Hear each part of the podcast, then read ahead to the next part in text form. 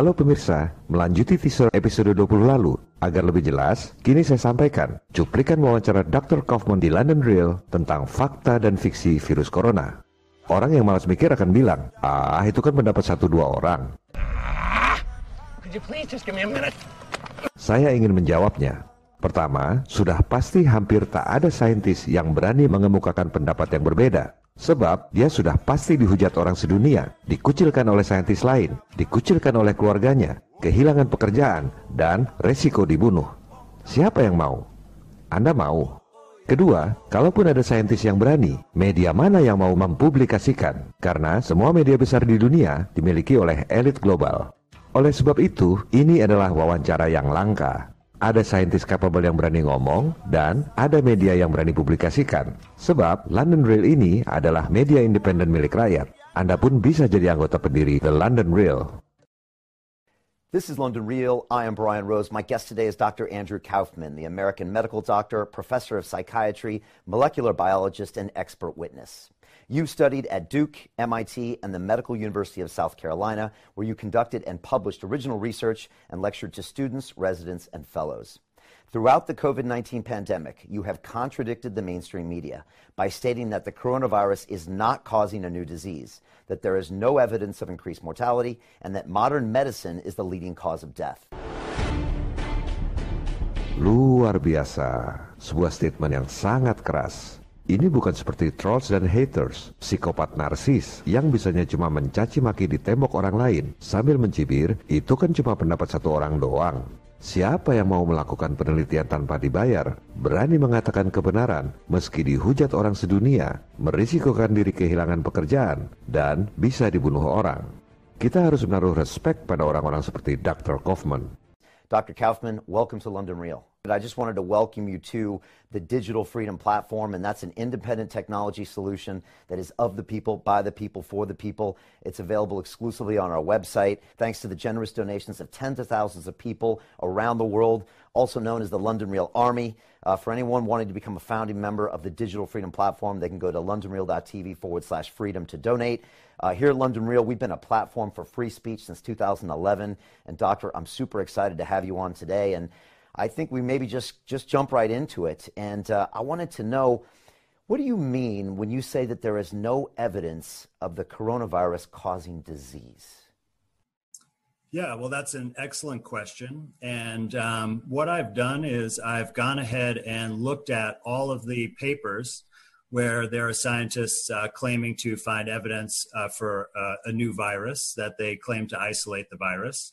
And I've basically uh, scrutinized uh, their procedures and I've compared that to uh, the sort of the history of how, how viruses and other diseases are proven to cause disease and how they're identified. So I've become familiar with uh, the procedures and how they work. And what I've found is that the scientific procedures that have been uh, utilized in all of these uh, scientific studies are actually, it wouldn't be possible uh, using those techniques to isolate a virus and purify it and prove that it exists. Mari kita cerna sebentar. Inti dari apa yang disampaikan oleh Dr. Kaufman adalah isolasi atau pemurnian virus sebelum diperiksa lebih lanjut. Yang dia kritik adalah metodenya, prosedurnya, bukan alatnya menggunakan sentrifugasi atau tidak. Kedua, perhatikan baik-baik kalimat Dr. Kaufman dengan prosedur ilmiah seperti itu, tak bisa dibuktikan bahwa virusnya eksis. Saintis itu ibarat pakai kacamata kuda, meneliti virus di cawan Petri. Dia nggak bicara tentang virus yang ada di tempat lain. Dia ngomong apa yang ada di cawan Petri. Jadi, yang dimaksud Dr. Kaufman di cawan Petri yang diteliti oleh para saintis itu nggak bisa dibuktikan bahwa virusnya ada. Bukan berarti bahwa COVID-19 itu nggak ada di dunia. Virusnya mungkin ada, Tapi karena virusnya nggak dimurnikan dulu, maka nggak bisa dibuktikan bahwa yang di cawan Petri itu adalah spesies COVID-19. So what they've done really is um, they've done kind of two things. So one has to do with the genetic material, and one has to do with um, isolating the a viral particle. So I'll talk about those separately. The uh, I'll talk first about the genetic material. So the general procedure that they utilize is that they identify someone with an illness that is uh, unexplained. And they have taken lung fluid from those patients, and they do this through um, an invasive procedure where they put a fiber optic uh, scope uh, through the mouth or nose down in through the windpipe into the lungs, and they squirt some fluid there and slosh it around, and then they suck it back up. And that would have basically a mixture of different things. Uh, it's a very impure sample, so it would contain, you know, secretions from that area, uh, like sputum, and it would also contain a mixture of different cells, such as uh, our own lung cells and our immune cells. It would also contain um, various microorganisms that are present in our normal uh, tissues, like bacteria and fungi. And then it also, uh, lung fluid is, has shown to contain free genetic material uh, as well. And then it would also contain what's called exosomes, which have their own genetic material. And I'll, I'll elaborate on what they are in just a minute. And so they took this uh, sample of lung fluid, which has genetic material from many sources, and they added an enzyme that would digest any cell membrane. So it basically allows the DNA or RNA to be free in the solution so that they could do further analysis. And then they've identified a sequence of RNA uh, that they allege is from a coronavirus or from the coronavirus family. But the thing is that since this sample is impure and has many sources of RNA, uh, it's impossible to know what the origin of it is. Jadi, inti persoalan yang dikemukakan oleh Dr. Kaufman adalah saintis mengambil DNA dan RNA dari inang, padahal inang itu isinya macam-macam seperti tong sampah. Virusnya nggak dimurnikan dulu, dipisahkan dari materi genetik lainnya. Terus, RNA siapa yang diambil? Makanya dia bilang, dengan prosedur seperti itu, tak bisa dibuktikan bahwa COVID-19 itu eksis. Maksudnya di sampel yang diteliti, bukan berarti nggak eksis di dunia luar. Yang dia permasalahkan adalah prosedurnya, bukan alatnya pakai sentrifugasi atau tidak. PCR test juga gunakan sentrifugasi buat mengisolasi DNA dari materi genetik. Bukan itu yang dimaksud Dr. Kaufman. Justru dia kritik, kok diambil DNA dari materi genetik yang belum dimurnikan virusnya? DNA siapa yang diambil? Analogi sederhananya, mau buktikan ada spesies baru dari sekumpulan binatang yang ada di hutan. Main comot binatang dari hutan, apa pun yang terambil dibilang itu si kopit. Padahal yang diambil dinosaurus, jadinya spesies kopitsaurus. Lantas, gimana prosedur yang seharusnya dilakukan supaya yang diambil itu betul DNA dan RNA COVID, bukan milik materi genetik lainnya yang ada di tong sampah itu? Um, if they wanted to uh, be certain that it came from a virus, what they would do is take that lung fluid and uh, filter it eh, because you can purify viral particles by filtration because they're much smaller than any other cells, um, even bacteria cells. And then you typically use a centrifuge with a, a density uh, gradient that creates a tight band of these particles that's easy to suck up in a pipette. And then you could take those particles and extract the genetic material and say that it came from those particles. But when you have an impure sample with lots of sources of genetic material, you really don't know where it came from. Jadi, sebenarnya simpel sekali. Acuan dari saintis elit yang diikuti oleh semua saintis di seluruh dunia adalah meneliti virus yang diambil dari inang tanpa dimurnikan dulu virusnya. Padahal inang itu isinya banyak makhluk. DNA siapa yang diambil? Masa nggak ada saintis di seluruh dunia yang meneliti COVID? Ya ada dong, banyak negara melakukan penelitian. Tapi acuannya ya acuan saintis elit itu, hasilnya ya sama aja kalau ngikut acuan yang sama. Dikira meneliti virus, padahal yang diteliti eksosom.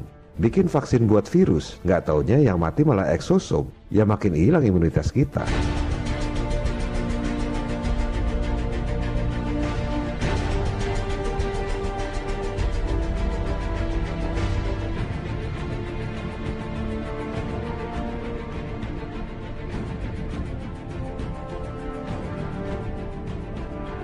Dr. Kaufman meneliti semua dokumen tentang COVID-19, termasuk waktu awal mereka tentukan ada spesies baru. Coba Anda riset, dokumen awal penelitian COVID itu yang mana? Dari mana Anda tahu bahwa itu adalah dokumen penelitian COVID yang pertama? Gunakan otak Intel atau kecerdasan Anda. Lihat timeline di situs resmi WHO. Anda lihat, tanggal 5 Januari, pertama kali WHO umumkan ada wabah, tulisannya masih tak diketahui penyebabnya. Seminggu kemudian, tanggal 12 Januari, diklaim sudah ketemu urutan genetiknya. Sudah dinamai pula COVID-19. Apa yang terjadi antara tanggal 5 sampai 12 Januari? Coba cari mana penelitiannya. Anda scroll ke bawah. Ini dia, interpretasi atas wabah. Coba kita lihat interpretasinya kayak apa, dasarnya kayak apa. Anda klik linknya. Ups, ini link mati apa sengaja disembunyikan? Jadi, mana penelitian COVID yang pertama? Apa dasar pengumuman tanggal 12 Januari bahwa ada virus baru bernama COVID-19? Yang masih ada filenya di situs WHO adalah penelitian tanggal 13 Januari di Berlin. Ini yang dimaksud Dr. Kaufman. Itu cuma protokol pemeriksaan kanker paru-paru biasa. Nggak ada pemurnian virus. Nggak ada visualisasi spesies baru. Harusnya kan begini. Misalnya, ini spesies kuda. Ciri-cirinya begini, begini, begini. Kemudian, ini ada spesies baru, kuda lumping. Spesiesnya begini, begini, begini. Kan jelas bedanya. Ini tidak begitu. Mereka ambil inang berisi berbagai materi genetik tidak dimurnikan, langsung ambil DNA-nya. Ibarat memeriksa rumah yang rusak. Asumsinya, di rumah yang rusak itu pasti ada pencurinya. Mereka lupa, di situ juga ada kucing, ada tikus, juga ada polisi yang lagi nangkap maling, eksosom. DNA siapa yang diambil kalau virusnya nggak dimurnikan dulu? Lantas, saintis langsung membandingkan urutan genetik tersangka COVID itu dengan urutan genetik SARS. Bingo, kurang dari 80% urutan genetiknya sama dengan SARS. Maka, pasti ini adalah virus corona, saudaranya SARS, disebut COVID-19. Dasarnya cuma itu. Padahal manusia sama ikan juga 80% urutan genetiknya sama. Kok nggak dibilang manusia itu ikan jilid dua? Ini yang dimaksud oleh Dr. Kaufman bahwa dengan prosedur ilmiah seperti itu tak dapat dibuktikan bahwa COVID-19 itu eksis. Maksudnya di sampel yang diteliti oleh saintis. But yet they're they're using a sequence identity that has a much lower percentage, uh, under 80%, and saying that's a coronavirus because of that. So in my opinion, this is extremely weak science. And without purifying the lung fluid sample, you, you really can't tell what the, what the origin of the RNA is.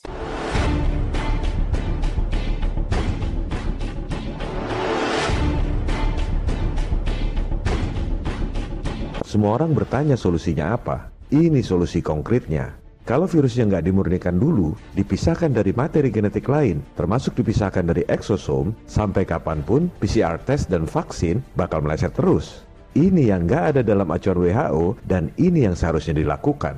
Kalau ini nggak dilakukan, jumlah korban COVID seolah-olah banyak terus. Kanker paru-paru, keluar eksosom, dites PCR, positif COVID. Sakit asma, COVID. Flu berat, COVID. Keracunan, COVID radiasi ion, termasuk radiasi 5G, COVID, itu semua adalah settingan yang sangat canggih untuk menciptakan propaganda ketakutan. Dan kalau virusnya nggak dimurnikan dulu sebelum dianalisa, vaksin bikinan rakyat bakal meleset terus. Akhirnya, yang bisa bikin vaksin adalah dia-dia lagi.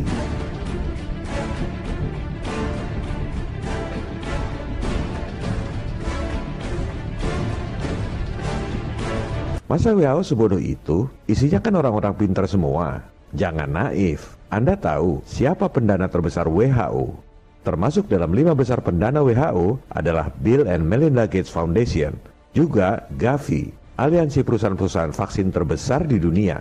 Betapa naifnya mengira WHO adalah seperti yayasan panti kesehatan di kelurahan. Semua ini adalah soal uang dan kekuasaan. Fortune and glory, kid. Fortune and glory.